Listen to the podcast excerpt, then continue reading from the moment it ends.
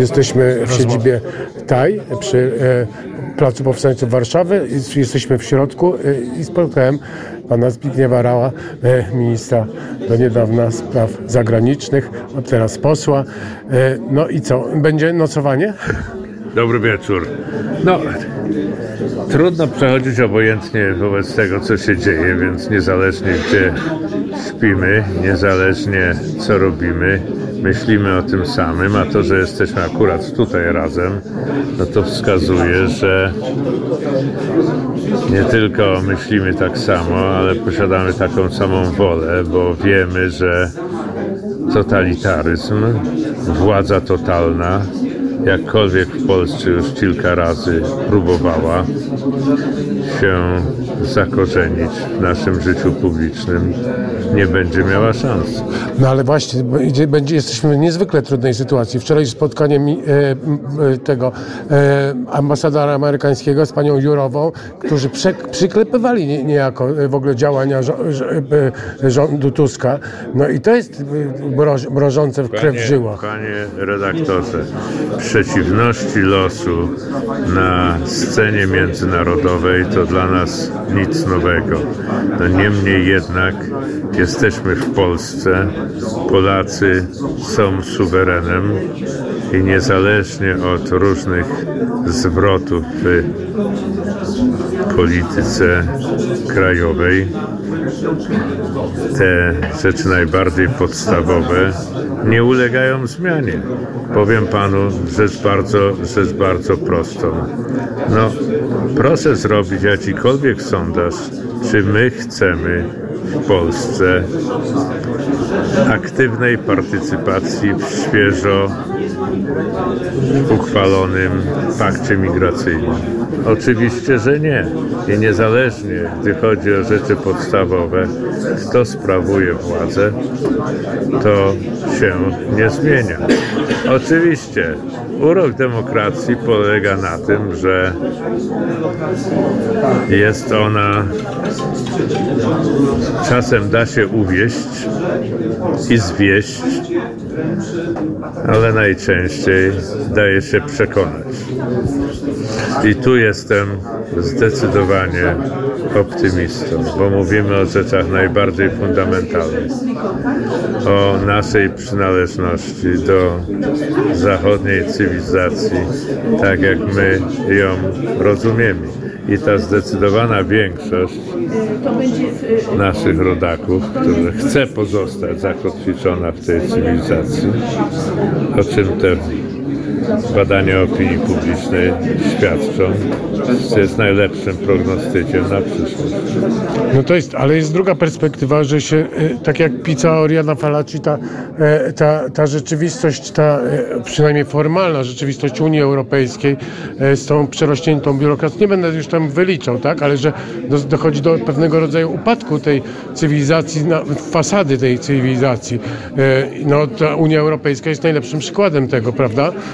I być może, czy my zdążymy jakby utrzymać się przed ewentualnym, tak jak e, e, Krzysztof Kowalski dzisiaj opowiadał, że być może planem e, właśnie Donalda Tuska jest totalna anarchia i że narzucenie później, a tak jak Bismarck, Pol- Polacy nie potrafią się rządzić, my narzucimy tutaj prawa, bo, bo ludzie przestaną wiedzieć, gdzie jest prawo, gdzie jest lewo.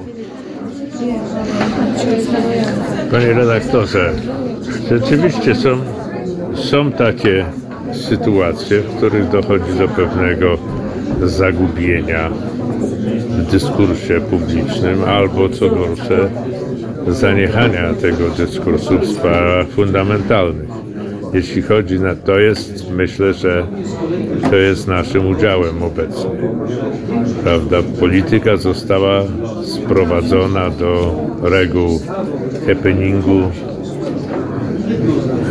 do rozrywki, zabawy, a to nie pozwala myśleć o przyszłości w sposób odpowiedzialny, konstruktywny i twórczy.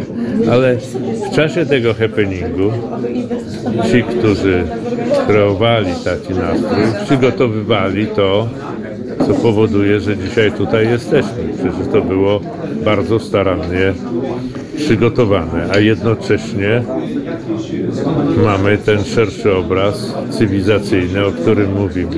Pan wyraża troskę o to, czy to nie jest koniec cywilizacji ze względu na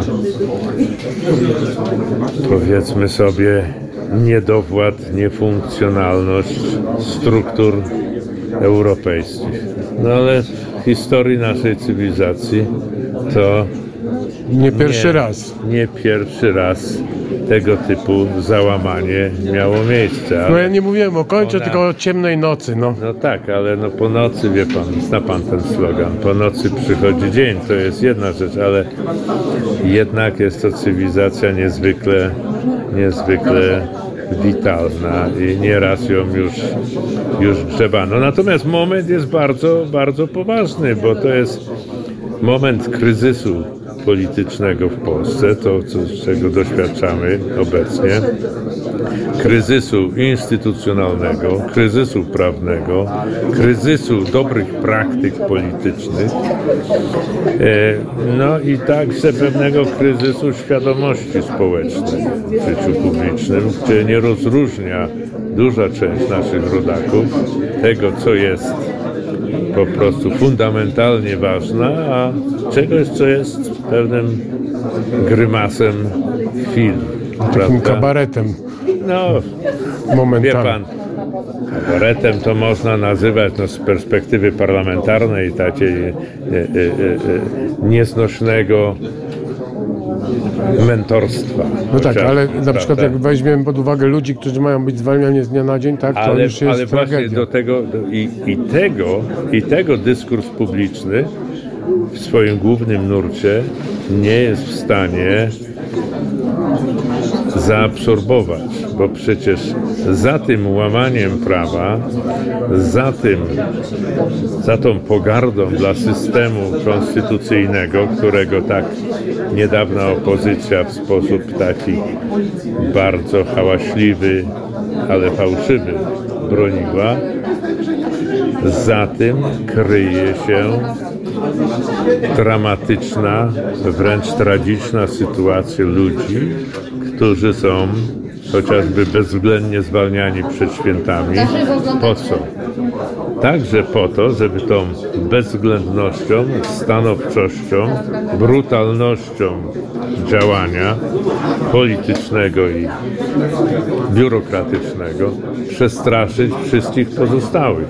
I jednych, popatrzcie, co się z wami stanie na początku przyszłego roku, a innych, patrzcie, Jak nie będziecie nie, grzeczni, nie będziecie próbować podejmować jakichkolwiek działań wobec tego, co robimy, bo po was też przyjdziemy.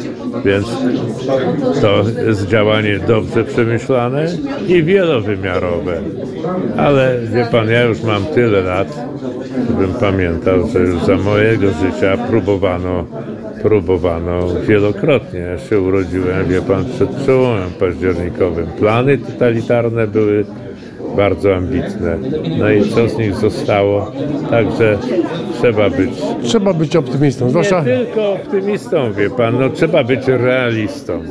W Polsce żadna totalitarna, totalna, nieograniczona, autorytarna w przeciwieństwie do kierującej się prawem stanowionym władza nie ma przyszłości.